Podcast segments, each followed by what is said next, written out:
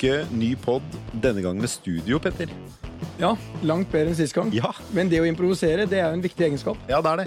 Eh, De som hørte forrige ukes episode, fikk jo med seg at eh, både på lydkvalitet og på det vi sa, at vi eh, sto uten studio den gang, men det ordna vi med en mobiltelefon. Ja. Denne gang så er alt som det skal være, og gjestene er fantastiske. Men du har jo nok en gang vist denne uken at du er egentlig en skapsosialist. Det er eh, du, du- liker ikke risikokapitalister, eh, leste jeg i VG. Så det er jo eh, relativt Du som kommer fra eh, eh, mediasiden, Ja. vet jo at det er ikke alltid det som blir referert, er presis det som blir sagt. Å jo, å jo, det som står i media er alltid riktig. Det er eh, sånn, så, Men jeg har fått mange merkelapper på meg. Sosialist, en av de. Mm, Pinse, At jeg kommer fra pinsebevegelsen, er en annen. Eh, Men det spiller ikke så mye rolle. Eh, Og igjen, eh, vi har en del sitater i eh, Stormkast som, som er gode, og jeg har et nytt et for dette. Det spiller ikke noen rolle hvilken farge katten har, så lenge den fanger mus. Ja, Det er vel Deng Xiaoping som først sa det. Mannen som innledet den økonomiske revolusjonen i Kina i 1979, tror jeg var starten på det. Eh, så, du, ja, men jeg liker jeg så du bekrefter jo at du er, det er en sosialist i liker jo kapitalister som tar risiko. Ja. Og jeg liker jo mange av disse som investerer i startup. Det jeg ikke liker, det er eh, de som går inn i selskaper og øker giring, altså låner opp kraftig i selskapene, kun med et finansielt utgangspunkt. Og så står igjen mange selskaper som går ned nettopp pga. Uh, den type risikokapitalister. En del av disse syns jeg ikke skal være fremtidens helter. Eh, en del av de, annet representert i studio her i dag, syns jeg absolutt vi skal heie på. Vi, eh, Vi går videre fra sosialister til kapitalister. ja, fordi vi har to råkapitalister i studio i dag. Ja. Den ene er eh, den største utlåneren av kapital til norske små og mellomstore bedrifter. Benedikte Skilbred Fasmer, som leder eh, SMB-teamet til DNB. Velkommen. Tusen takk. Du er jo en del av eh, stallen vår, Benedikte. Forrige gang du var her, så eh, omtalte du en avdeling i DNB som Hestkuk-avdelingen. Eh, det ble det litt pepper for i, internt eh, etterpå. Heldigvis så ser man ikke rødming på podkast. Men eh, jo da, jeg fikk jo høre det da jeg Ja. kom tilbake. Men de Men er det avdelingen for spesialengasjement? Det er absolutt det. For de Kan vi kalle det det? Det, er jo mange som ikke vet hva det er. Det er altså det vi kaller bad bank-avdelingen. Ja. Det, det, det er for de bedriftene som sliter. ja, På vårt stammespråk så sier, det, sier vi spesseng. Det spesiale. Ja, spesseng. spesseng, ja. Mm. Spesialengasjement, er det det du står for? Ja. Ja. Ja. Hvis du er der med butikken din, Ja. da og sover du ikke godt om natta. Da sover du ikke godt om natta. Og da er ikke banken lenger din beste venn. Da, da, da er det banken Jo, som er bankens beste ganske, venn. de kan være ganske eh, forståelsesfulle. Ja. Ok. Jeg har heldigvis aldri vært i den Jeg har situasjonen. vært øh, Jeg har hatt eh, jeg, jeg vet ikke om jeg hadde Du en har hatt én hadde der. fot i, i. Ja, Jeg hadde nok hvert fall eh, Jeg følte det var veldig mange bankfolk til stede på et par av presentasjonene mine. ja, det er aldri et godt tegn når det er mange i rommet. Ok, og, ok, Fint. Det var råkapitalist nummer én. Råkapitalist nummer to, det er deg, Magnus Grimland. Velkommen. Takk. Du er jo en litt annen type kapitalist enn Benedikte, fordi din bakgrunn er jo fra McKinsey. Eh, og så har du og en, eh, en eh, kollega startet et, eh, et investeringsfond, er det riktig å si? Ja, eller Teknisk sett så er jo det en del av forretningsmodellen. Det vi egentlig gjør, er jo å hente topptalent fra egentlig de beste forretningene som er der ute. Fra akademia, folk som er veldig dype innenfor industri. Så setter vi sammen team med mennesker som vil bygge selskaper som løser noen av de største problemene i verden. Og så investerer vi de etter to måneder vi har gått dypt på teamsammensetning og dypt på eh, businessmodellen de skal bygge. Så egentlig så er investeringsdelen bare en del av det vi gjør. Okay. Vi investerer i talent som vi har satt sammen i team, og vi da bygger selskapet med. Men Magnus, det det, det, det, dere gjør jo motsatt av veldig mange av disse som investerer i startup. For der kommer jo selskapene til investorene for å hente kapital. Dere begynner med menneskene. Og så tilfører dere liksom kapital, og så går du ut og hjelper de å øh, reise ytterligere kapital. Ja. Så dere, har- dere har snudd på hele greia, dere. Ja. Jeg har jo alltid sagt at uh, det er mennesker som skaper bedrifter, ikke penger. Så jeg elsker jo ideen deres. Ja, altså, jeg simpelthen elsker det. Ja. Altså, dette er jo sånne som Norge må ha flere av. Ja. Bortsett fra at han bor i Singapore. Bortsett fra han, ja, du han bor i fikk- Singapore. ja. Men altså, Men han ser Vi må jo si en ting, det er jo sjelden vi kommenterer utseendet til folk. her sånn Han er liksom marinejeger og gått på Harvard og altså, Og når han står her sånn Det er som eh, tatt ut av et sånn Tidemann og gudebilde fra Hardanger. Blond, høyreist altså, Nå gleder jeg meg veldig til beskrivelsen av meg som står ved siden av. ja, det er, Også blond! Høyreist, det, det er, høyreist der, der sliter vi begge to. Vi har hatt noen sånne situasjoner i dette studio senest forrige uke, hvor vi, Petter og jeg bare bruker anledning til å snakke litt om de gjestene i studio uten at de, de involveres. på radio. Vi må jo beskrive Ja, mennesker på radio. Ja. Så bare uh, slapp av, len dere rolig tilbake mens Ja. vi snakker om dere. Ja, men Det er ve veldig hyggelig å høre. Vi, vi, vi bygde jo først ut av Singapore, men nå kommer vi jo til Norden. så Fordi man sier, altså, Selskapet dere har startet, det heter jo Antler. Ja. Ikke sant? Og dere har jo da samla et betyr Antler? sekstitalls eh, personer i Sørøst-Asia som har startet 13 oppstartsbedrifter nå, som dere er med på å finansiere. ikke sant? Ja. Det er det som er utgangspunktet for Antler. Og så er dere nå på vei til Norden, eh, hvor dere har tenkt å gjøre mye av det samme. Og huke tak i dyktige folk, og så sammen med dem skape nye businessmuligheter. ja, Er det riktig beskrevet? det er helt riktig, og, og det er kjempespennende her, fordi eh, altså i Singapore nå så er vi allerede kjent, så nå får vi jo Vi fikk 3000 søknader her for neste cohort, og vi, ta, vi har tatt ut 100 foundere som begynner å bygge forretninger nå i, Singapore i januar, så det er nummer to. Og så kom vi til Norden nå. Nå har vi allerede 54. Eh, rett før vi kom inn i studio, så fikk vi inn Born 54. Eh, entreprenøren. Og jeg kom nettopp fra en frokost med 60-70 håpefulle som gjerne vil komme inn i programmet og bygge med oss etterpå. Og det er jo alt fra vi har en kjempespennende kirurg eh, som slutter eh, nå, skal inn og bygge et medisinsk tech-selskap med oss. Vi har AI-spesialister, vi har eh, noen som kommer inn fra min gamle jobb i McKinsey. Så vi har liksom en god samling av ulike mennesker her nå som kommer inn, og så skal vi bygge 15-20 selskaper i, i Norden fra januar av utover. Okay. Så det blir kjempespennende. Men det som jeg syns er så spennende, da, er jo at selv om vi kommer fra litt forskjellige innfallsvinkler, så har vi akkurat samme mål, nemlig at flere oppstartsselskaper faktisk skal lykkes. Eh, Og at vi skal prøve å bidra til at de lykkes. Og så har vi litt forskjellige eh, måter å gjøre det på fra bankperspektiv og fra det du eh, driver med, da. Men jeg har lyst til å plukke opp litt det som Petter sa i forhold til hvordan dere investerer i selskapene, for vi snakket litt om det eh, på vei inn her. Og dere har jo en helt annen tilnærming enn private equity og venture capitalists normalt har, da. Ja. ja, altså vår tilnærming er jo Vi mener jo at det, det er enormt mye risikokapital er faktisk tilgjengelig nå. Så, så veldig bra team som jobber på eh, forretningsmodeller som, som er riktig, eller på store problemer som trengs å løses, de får som regel tilgang til kapital. Men det er fortsatt ikke nok eh, mennesker som, eh, som går ut og gjør det. Noen av verdens beste mennesker nå, for eksempel, de sitter jo og selger reklame for Google eller Facebook.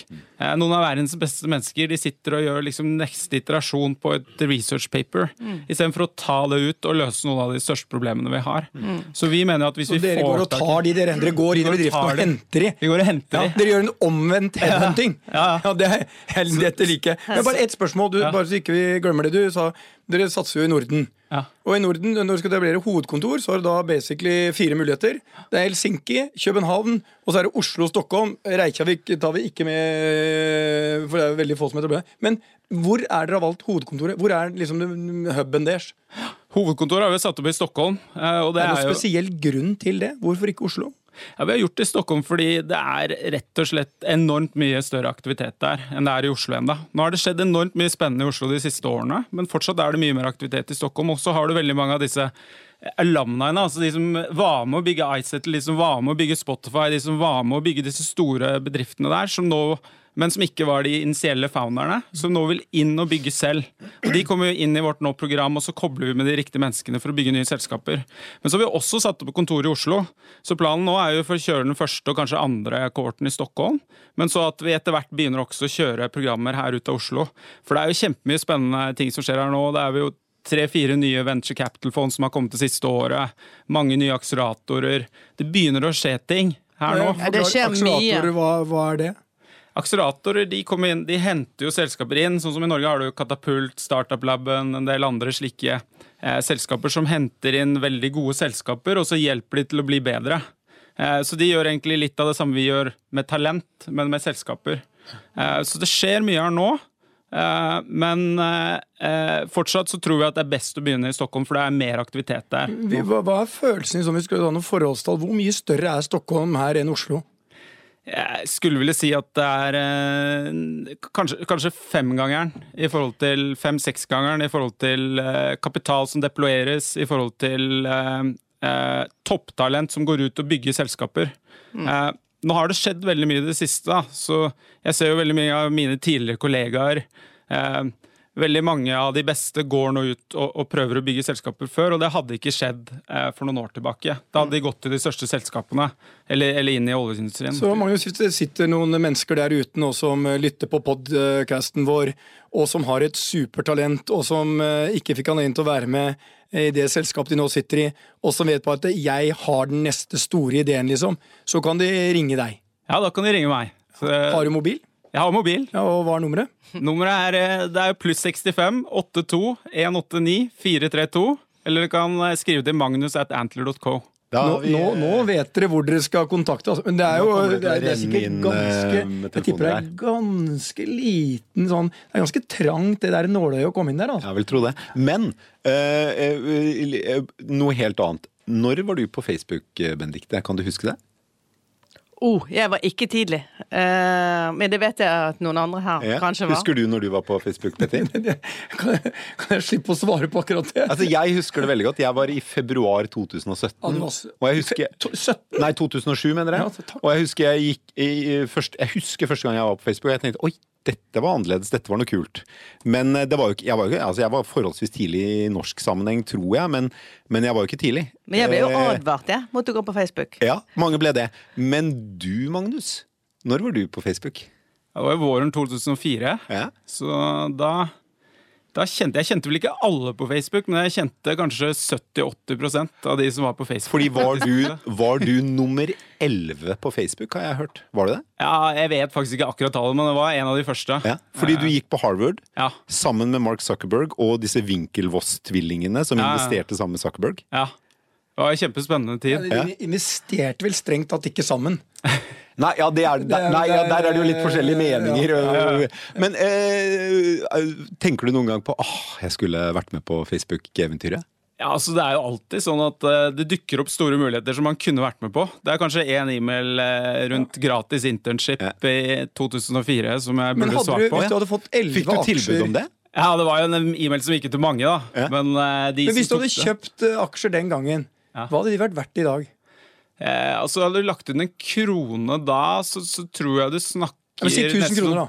Ja, 1000 kroner. Du snakker nesten 20 000-gangeren. 20 000 ganger. 20 000 ganger. Ja, noe sånt noe. Tusen kroner, Hva snakker vi om da? milliarder. To milliarder, ja. Ja. Det er ganske Det- heftig. Det, det, men det var, altså, jeg har For- noen for- ganger tenkt på det i ettertid. At For en kveld på byen- brukte Ja, det er en kveld, En kveld på byen. så kunne det vært- Han sto og vurderte mellom Skal jeg ta den daten, eller skal jeg putte inn mellom 500 og 1000 liksom, på Nei, jeg tar den daten. Altså dette in, in, interngreiene for å vise ansiktet sitt på havet, liksom, det blir jo aldri verdt noe uansett. Historiens dyreste date. Ja, Men hvordan er Winkelvoss-brødrene og Mark Zuckerberg? Hvordan, Ja, det er, det er jo veldig hyggelig. Winkelvass-tvillingene har jo brukt litt mer tid, for jeg rodde litt når jeg var der. Så de rodde jo også.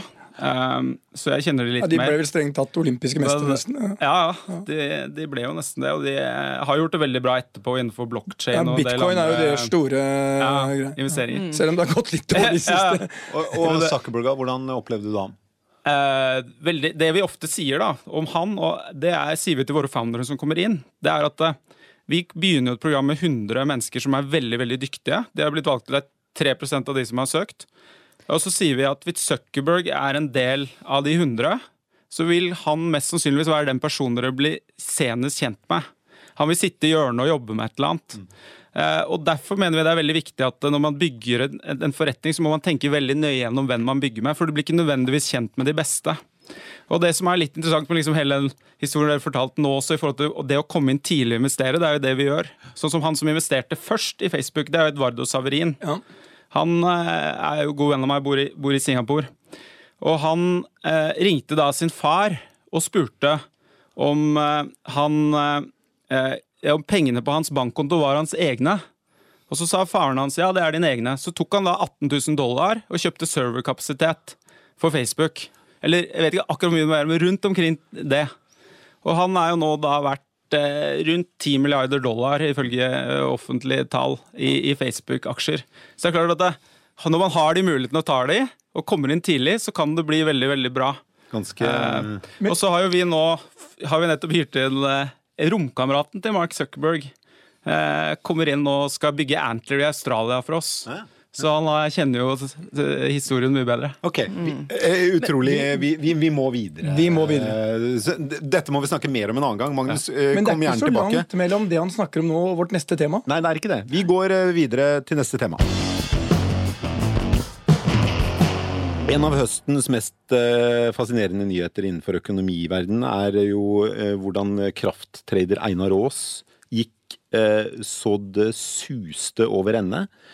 Eh, dette er en, Einar Aas er jo en, en ganske anonym eh, figur. Det finnes eh, to bilder av ham som brukes i offentligheten.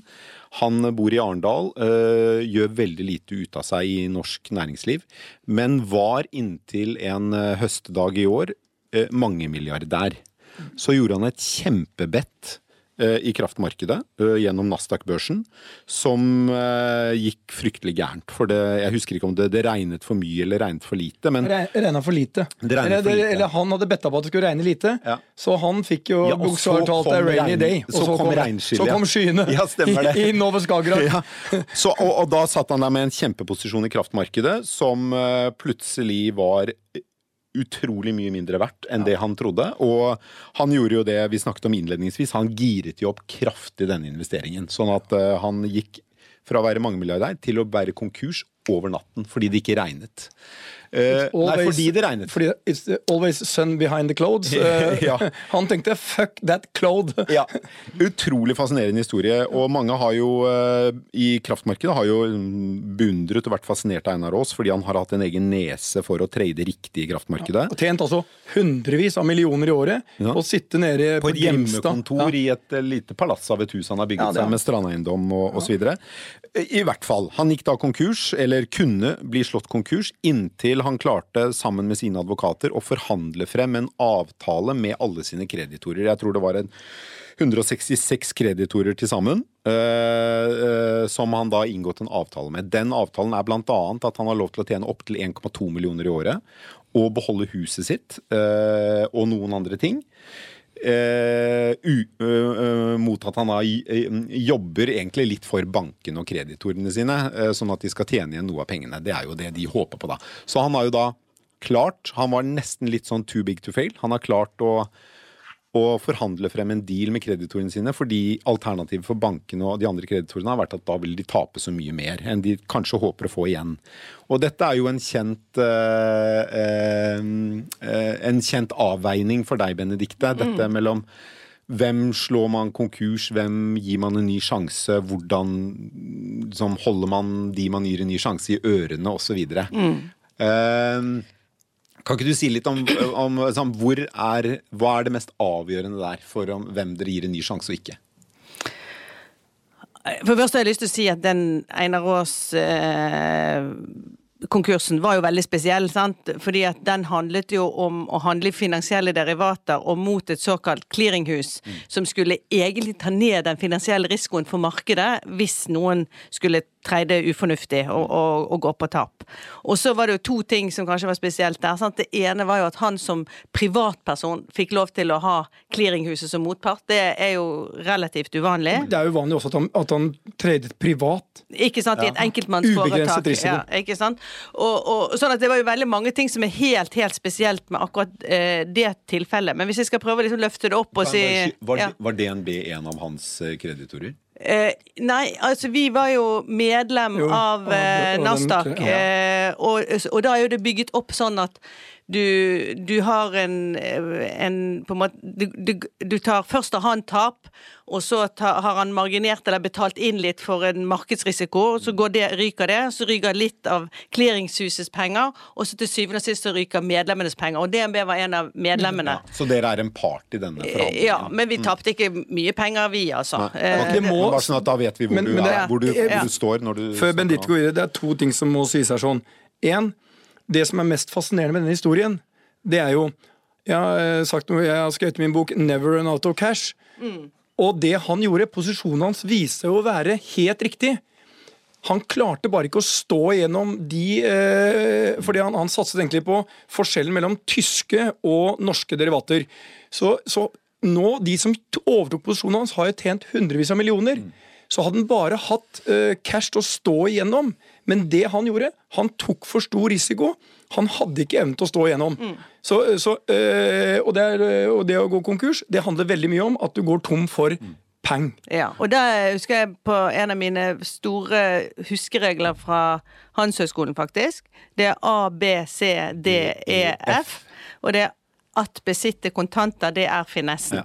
Og det er jo noe av det aller viktigste du faktisk må vite og lære og ha i mente for uh, når du skal drive bedrift. Og, og, og, og sjekke kontantbehandlingen eh, og ha kontroll på den er noe av det aller viktigste. Men, eh, Jeg må bare skyte inn kort her, sånn jeg liker alle de korte man er. Vet du hva jeg lærte på Kjøpmannsinstituttet? Det var N eh, eh, eh, NDBSIOYA. Never do business sitting on your ass. det er bare sånn at jeg, det var, Vi lærte noe der òg. Ja. Kanskje ikke like fornuftig, men eh, Men ok eh, Tilbake til spørsmålet. Hva er eh, den viktigste avveiningen? Han slår vi konkurs, hun gir vi en ny sjanse. Jeg tror som bank, og hvis jeg liksom kan generalisere dette, så vil jeg jo si at vi ønsker i utgangspunktet at våre kunder skal lykkes. Og når, hvis det først da går galt, eller man får store problemer, så prøver vi i den grad vi kan å være med og bidra til å dra igjennom, stå igjennom, som du var inne på, Petter, eh, en utfordrende periode. Men det vil alltid bety at både eierne og banken må stille opp sammen. Det er sjelden vi gjør noe eh, uten at vi virkelig har en forpliktende eh, en, eh, Altså eier er med på laget, da. Ja, altså Eh, I dette tilfellet Einar Aas. ikke sant? Hvis han ikke hadde vært en del av løsningen og selv var konstruktiv i å komme frem til gode løsninger, Ja. så ville dere og de andre skyldne- eh, bare sagt OK, glem det. ja, det som eh, det er, det er så enkelt, for jeg var der i 2003.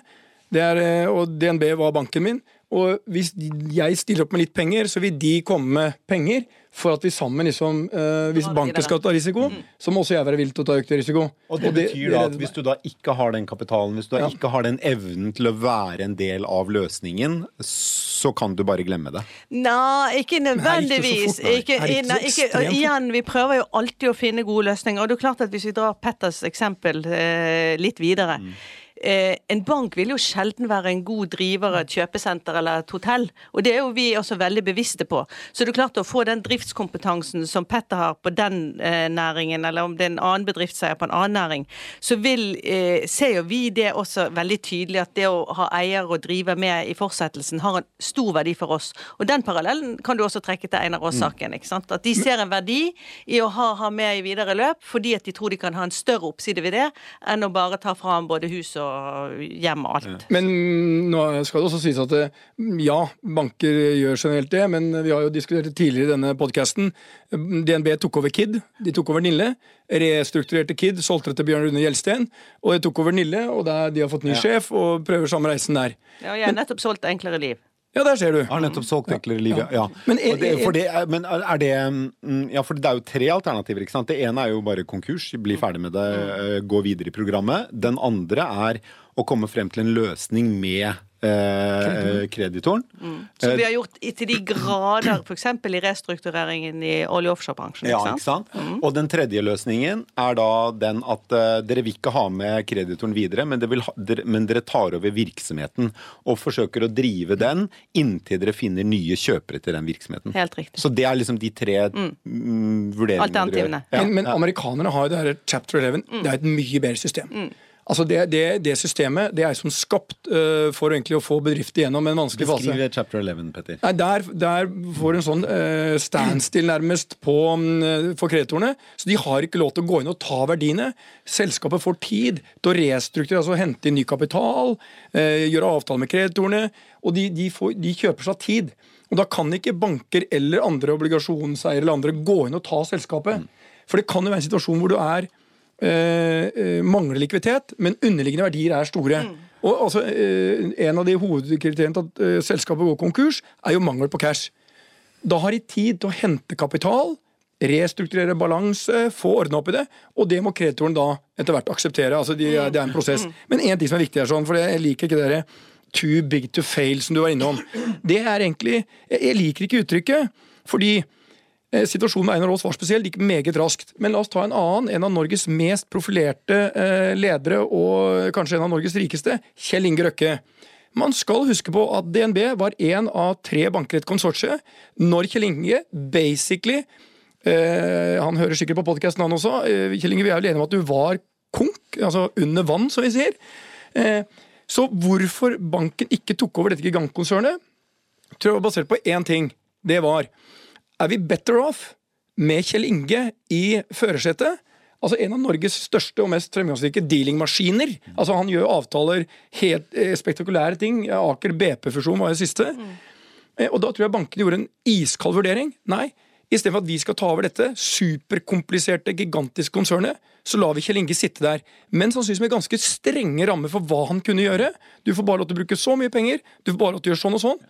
Og han kom igjennom, er i dag en av Norges rikeste. Litt sånn som Einar eh, Aas Nei, også. Einar Aas er Fordi Han har jo også blitt eh, altså De vil jo mye heller involvere ham i driften, fordi de vet at han er jævlig god på krafttrading. Men han, han tok dette bettet som var litt i, i største laget. Det var jo et gigantisk bett. Altså, men men han, der, mm, problemet med Einar Aas var at det gikk så enormt fort før eh, Nasdaq da kom inn og sa vi må ta over her sånn. Altså, de, de har regler for at de må ta over posisjonene, og de må orientere alle de som er garantistene, bl.a. av DNB, om at her kan vi gå på et kjempetap. Ja. Her må jeg jo si, akkurat i den saken så syns jeg jo at eh, det ble ikke gjort en ordentlig risikovurdering av eh, hva han hadde utestående kontrakter. Altså Det er jo der det har sviktet i, i, i første omgang. Men litt tilbake til det du var inne på, Petter, i forhold til at når noen kommer i problemer, hva gjør du da som kreditor? Sånn? Vi låner jo som regel ut penger med sikkerhet i noe som har en verdi. Og hvis du tar olje- og offshorekrisen som eksempel, så gikk jo eh, verdien i bøtta, altså oljeprisen falt. Fra 100 verdiene- dollar til ja. Og, og verdiene til alle offshore-rederne gikk i, i bøtta. Obligasjonseierne satt egentlig uten sikkerhet og hadde tapt alt i, uka, eh, sant? i utgangspunktet, og eierne også. Da fikk plutselig de en opsjon på at hvis de laget mye bråk, så ville de bli løst ut på en eller annen måte. Det ville du unngått i chapter 11. For da ville du fått det som du sier, at du ville fått en arbeidsroperiode, og hvor du sannsynligvis hadde fått en riktigere løsning i forhold til hvem som la penger på bordet. Og han ville beholdt en større andel av formuen. Men eh, Magnus, bare én ting. Eh, du har sannsynligvis ikke rukket å gå konkurs, eller kjent på hvordan det er. Eh, men hvordan er holdningen til dette? Du bor jo i Singapore. Hvordan er holdningen i Asia? Du sa vel til DN at eh, du følte at det var en sånn enormt liksom, positivitet rundt entreprenør og entreprenørånd i hele Asia. Altså Gi oss en beskrivelse av Går du konk i Singapore? Altså Det er jo landet hvor du ikke kan kaste en eh, snus eller en sneip på gata uten å få en bot. Eh, Det er jo sannsynligvis verdens ryddigste land. Eh, Ikke helt demokratisk, men fortsatt eh, for en eh, som deg sikkert ganske bra å leve. Ja. Men hvordan er det med det å gå konk i Singapore? Nei, altså, det, det, er jo, det er jo ganske store forskjeller også i forhold til om Hvis man har store gjeldsobligasjoner i forhold til det altså Mesteparten av industrien vi jobber med, og teknologibedriftene, har jo valgt veldig bevisst gitt risikobilde, og ikke leverage opp eh, bedriftene. Så liksom de fleste entreprenørene vi jobber med, de går jo inn og henter ren equity-kapital. Altså egenkapital. Egenkapital. Så, så det er jo mer det at liksom eh, Når de feiler, så, så går jo selskapet eh, konkurs, men man sitter ikke der med den personlige obligasjoner og masse Altså Det er jo de som har gått inn og tatt risikoen på at det selskapet skal lykkes, som har tatt penger, og så sitter det ikke banker der som, som, eh, som man skylder mye penger til. I, i, unnskyld, ja, men i oppstartsmiljøet i, i uh, USA, i Silicon Valley, så er det jo eh, Det er i hvert fall fremstilt sånn, litt karikert kanskje, at, Ja. at man skal ha gått konkurs noen ganger. Ja. Uh, at det er en del av CV-en din nærmest som gründer, at du skal liksom ha kjent på den følelsen. Eh, hvordan er det i Asia? Er det, er det mm, greit å ha gått konkurs? Jeg, tror det er, det er greit å ha feilet, men det er vel litt mer i Asia også som det er i Norge, at, eh, at man ikke vil feile. eh, og at det har liksom komplikasjoner når man gjør det. Eh, men det viktigste Er det mer basert på den der historiske loose face uh... Loose face-siden. Som er veldig sterk i Asia. ikke Ja. Som også gjør at eh, liksom, en av de Hvis vi ser på liksom, det for oss å få inn entreprenører i Norden, handler veldig mye om å få inn mennesker som har lyst til å bli entreprenør, men hele tiden vente venter på lære mer. Liksom, jeg tar fem år til i McKinsey eller jeg jobber fem år til i Google før jeg skulle bli entreprenør, og så plutselig så, så har det gått for lang tid, og så gjør man det aldri. Så Det er grunnen til at mange ikke begynner å gjøre det her. Mens i Sørøst-Asia så er det mye mer rundt social pressure. Altså det, det, skal du gå inn og ta risiko, eh, så, så, så, bør du lykkes. Eh, for man vil ikke lose face. Men det viktigste her liksom for meg rundt liksom, den konkursdelen, tror jeg Litt, litt hva Petter snakket om eh, tidligere med Kjell Inge Røkke og sånn. Altså det som jeg syns er veldig synd i slike situasjoner, det er når du har mennesker som kan bidra så mye til samfunnet. Eh, eh, hvis de blir slått personlig konkurs, så blir de tatt ut av samfunnet i, i kanskje tre til fem år. Og, og istedenfor da å, å, skape nye verdier, så blir de sittende og, og, og, kanskje gi litt tilbake til kreditorer, men ikke skape de store verdiene de kan gjøre. Da. Så det å unngå sånne situasjoner syns jeg er veldig viktig. For Hvis du går personlig konkurs, så, så er det jo basically sånn at du, du må da ta deg en ordentlig jobb, fast jobb med en inntekt. og bankene, kreditorene dine, eh, regner da ut hvor mye du må ha for å klare deg gjennom måneden. Resten tar bankene. Inntil gjelden er betalt. Så for Einar Aas var dette 1,2 millioner. Ikke, milliarder. kanskje. ikke sant? det han får i, i årslønn nå. Ja, så det Einar Aas har lov til å tjene, eh, er jo 1,2 millioner. Resten tar bankene. Ja. Men med hans eh, track record så kan det jo fort uh, gjøre at han er oppe og går gjennom et par år. Ja, og det han gjorde som jo var veldig smart, er at han klarte å få med bankene på å si fra seg Eh, kravet på en, en, en eventuell skattetilbakebetaling fra norske myndigheter. For det er jo noen regler i Norge om at du kan Han kan få tilbake kan, hundrevis av millioner. Ja, jeg tror det er 200 og noe millioner kroner han ja. kan få tilbake i skatt, som han tidligere år har betalt Fordi han betalte skatt året skatt før på 800 millioner. Ja. Eh, og når du går eh, tilsvarende minus neste år, så har du krav, eller du kan søke om det. Så det som jo er Einar Aas håp, er jo at han øh, skal kunne klare seg greit med de 1,2 millionene, og sørge for vedlikehold av hus og betale regninger og sånn, og da vinne, øh, eller få tilbake 200 pluss millioner fra staten, og da er han jo virkelig back in business Men, igjen. Men vi skal huske på én ting. Der har han en fantastisk forhandlingsposisjon. Uten at jeg vet dette, så tror jeg han hadde advokat Marius Gisvold ja. som vi kan beskrive som et lite råskinn på dette området.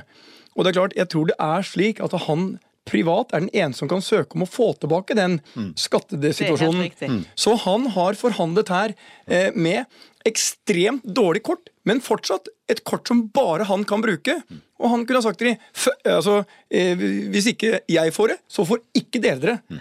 Hvis det er staten, det. Ja, det er staten. Ja, mm. hvis, hvis dere tar meg ned, så får dere ingenting. Så de har all glede og nytte av at han klarer seg. Ok, vi gir deg en ok inntekt, du beholder huset, men, og du skal rydde opp etter deg. Så jeg tror at dette er, det er litt en vinn-vinn. Men det betyr også noen ganger er man i en situasjon hvor de dårligste kortene kan også snus til å bli kort som du kan forhandle på. Mm.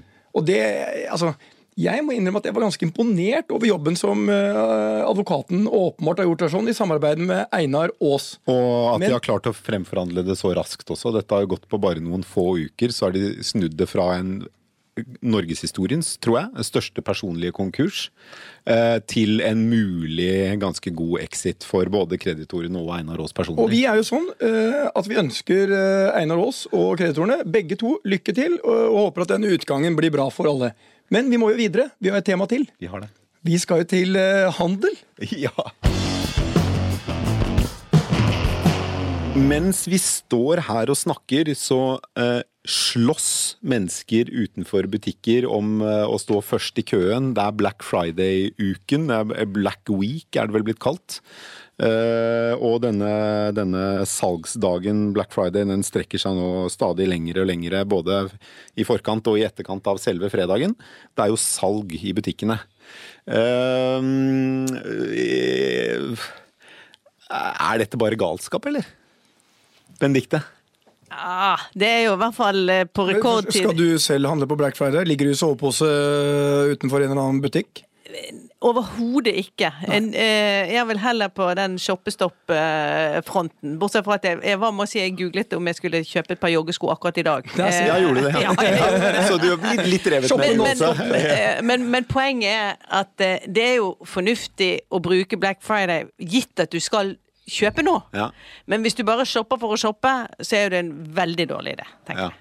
Fordi det, det, det man, eh, Jeg tror jo ganske mange som står i, i kø utenfor butikkene, egentlig ikke trenger det de skal kjøpe, men fordi prisen er så lav, eller det de tror er lav, mm. så, så kjøper de likevel. Nei, vi, eh, våre tall viser at eh, i dag så er det 53% av nordmenn som har planlagt å bruke Black Friday eller Black Week eh, til å Er det det? Halvparten av alle Halvparten nordmenn? av Norges befolkning.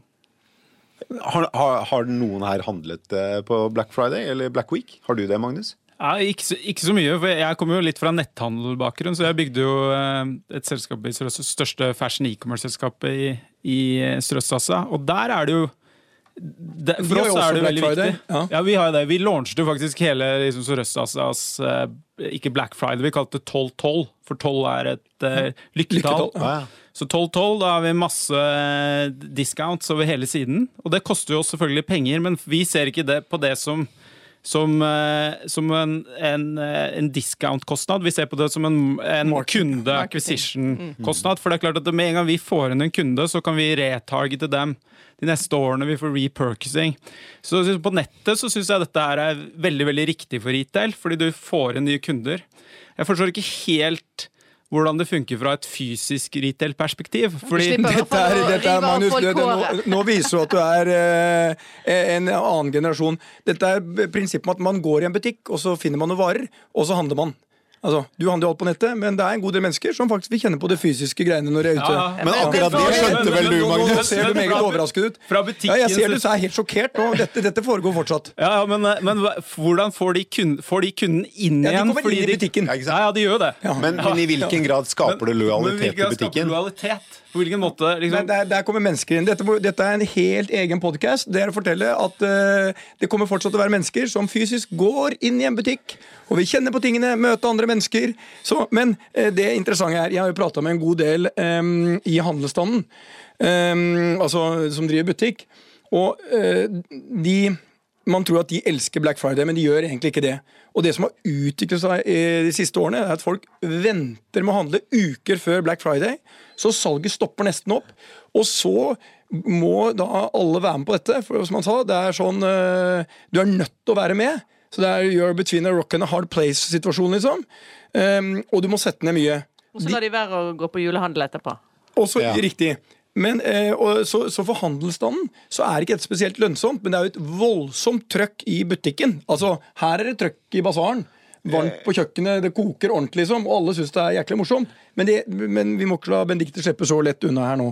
Fordi det er et annet fenomen her.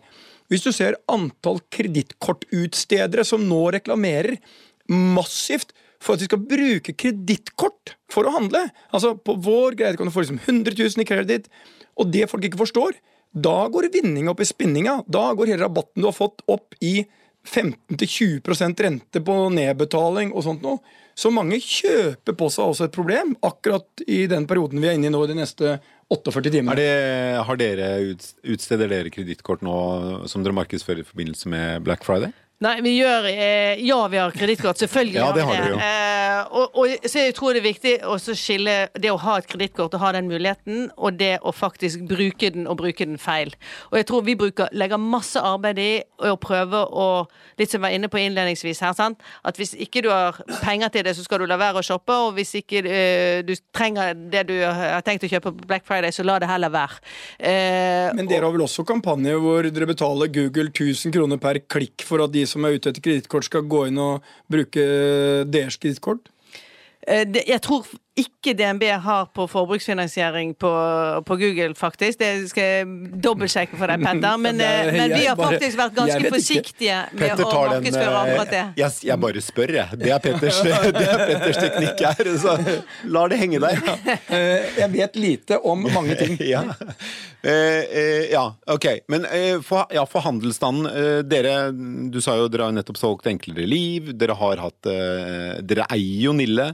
Eh, dere har eid Kid inntil det ble solgt videre til andre Bjørn Rune Gjelsten og er nå børsnotert. Eh, for handelsstanden, eh, de du snakker med, hva syns de om Black Friday? Jeg tror det er, eh, som du var inne på, det, det, er jo ikke noe som de naturlig nok liker. Altså Det skaper aktivitet, det skaper oppmerksomhet. det skaper, Hvis du er på nettet hvor en stor andel av det foregår nå, så kan du også eh, tilegne deg mer kunder og flere data som du kan bruke i, i eh, etterfølgende markedsføring. Men det er jo klart at eh, fra et forbrukerståsted så er det superfornuftig hvis du nå kjøper billig det du har tenkt å gi til jul, er ferdig med juleshoppingen tidlig. For handelsstanden så er det morsom aktivitet, men ikke nødvendigvis det mest lønnsomme de finner på. Nei. Men, det, er- det, og det er jo en uh, for, uh, Magnus var innom en veldig interessant ting her. Mange av disse nye selskapene, som typisk eh, da disruptor eh, innenfor netthandel, altså Zalando er kanskje det mest kjente i Norge akkurat nå, uh, så blir jo ikke de prisa på hvor mye de tjener. De blir priset på hvor mange bruker faktisk tjenester, hvor mange har de inne som er faste og lojale. Så setter de en pris på det. Og det handler om det fascinerende med aksjemarkedet og sånne prisinger. Det er ikke den situasjonen i dag du priser på, det er en forventning om en fremtidig situasjon. Så når eh, eh, Magnus forteller her sånn at det de gjorde, det var de kunne tape masse penger de på å selge produkter bare for å få folk til å vente til å gå inn på siden. For de visste at når vi går til våre og skal hente nye penger, hvor mange brukere har vi? Du var ute etter menneskene og brukeren, og du var villig til å putte masse penger inn der.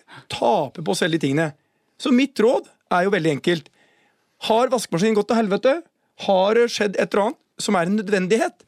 Nå har du muligheten. Ta med soveposen, legg deg utafor en eller annen av disse eh, elbutikkene, og kjøp en vaskemaskin på 40-50 eh, rabatt. Eh, Da har du gjort noe fornuftig. Og bruk gjerne kredittkortet, men da må du vite at du kan betale det når regningen kommer i posten. Bruk gjerne cash. Eh, Det er alltid langt billigere enn kredittkort, men jeg lever ikke av å være bank. Eh, Jeg lever av å gi eh, halvdårlig råd basert på egen eh, dyrt kjøpte erfaringer. Cash er bra. Tilbake til ABCDEF-regelen. Oi, oi, oi! Nå var det at besitte kontanter, det er finessen. Yes. Det Du lærte noe nytt i dag, Petter. Ja, hver dag en mulighet. Muligheter. Vi går videre til Lukas Bær. Det gjør vi. Ukas bær er jo eh, vår eh, mulighet hver uke til å heie på noe eller noen vi eh, digger eh, i uken som har gått. Og denne uken så har vi eh, snublet over en, en veldig spennende person. Shah Ogalo kom fra Sentral-Afrika til Norge i 2011. Da var han 21 år gammel. Nå er han 28. Han kunne jo ikke norsk. øh, Han visste lite eller ingenting om Norge. øh, Men han visste én ting, og det er 'jeg vil jobbe'. Jeg vil øh, skape min egen fremtid i et nytt land, og jeg vil gjøre alt jeg kan for å få til det. Så da Nav spurte han om han ville jobbe og hvor mye, så svarte han hva som helst, gjerne syv dager i uken. Så han starta hos Rusken, han har flyttet rundt på ulike mottak i ulike byer, og han har sagt ja til alle jobber han har fått tilbud om, også når han har blitt spurt om å jobbe gratis, bare for å få den arbeidserfaringen. Nå er han da utplassert eh, hos Vold Lunde Maskin AS i Lærdal, hvor han nettopp har skrevet en lærlingekontrakt. Og eh, han bodde i Skien eh, en god stund. Da pendlet han mellom Skien og Lærdal. Det, jeg vet Med ikke hvor mange timer? Med nattbussen. Jeg Det vet er ikke hvor mange timer det er. to-tre timer. Nei, er det ikke mer, da? Jeg tror det. Ja, enda verre. Nei, er du, det. det er lenger. Den, Ja, jeg er det ikke kan sånn det. Det er seks-syv fem-seks timer, timer, i et hvert eller fall. annet sånt? Altså, det er liksom en vanvittig bussreise eh, som han da pendlet mellom. Nå, Det var ikke noe problem for Sja. Han pendlet, han jobbet hos Vold Lunde Maskin. Nå har han kjøpt seg leilighet, fått seg kjæreste og en lærlingekontrakt. Altså, For det- en suksesshistorie. Altså, det er Historien er jo fantastisk, og det er disse historiene som må ut. Altså, Den innsatsen Jeg syns det er en fantastisk innstilling. Shah har jo alt det vi drømmer om når vi leiter etter mennesker. Han har masse energi, han sitter på nattbussen han, Jeg skjønner ikke når han sover.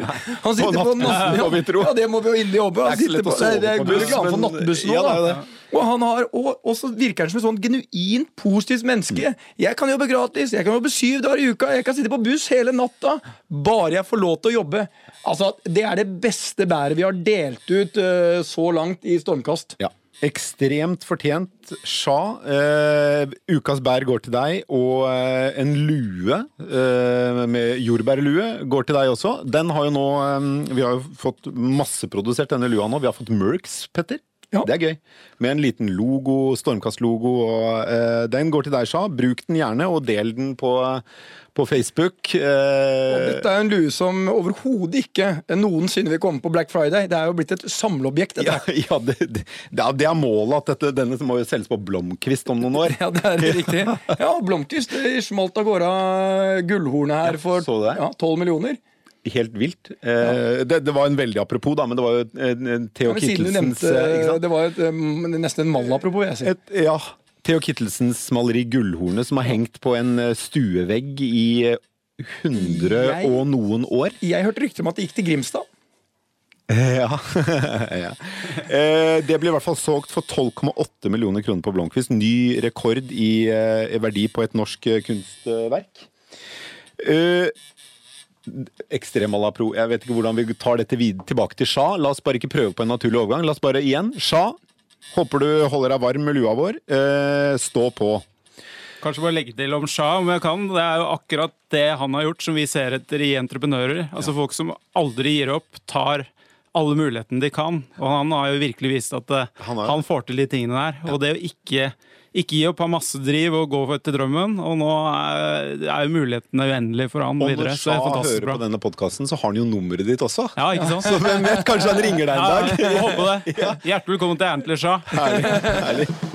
Tusen takk skal dere ha for at dere kom i studio, Magnus Grimland og Benedicte Skilbred Fasmer. Truls Johansen har produsert sendingen som vanlig. Vi snakkes igjen neste uke, Petter. Det gjør vi. Takk for nå. Takk for nå.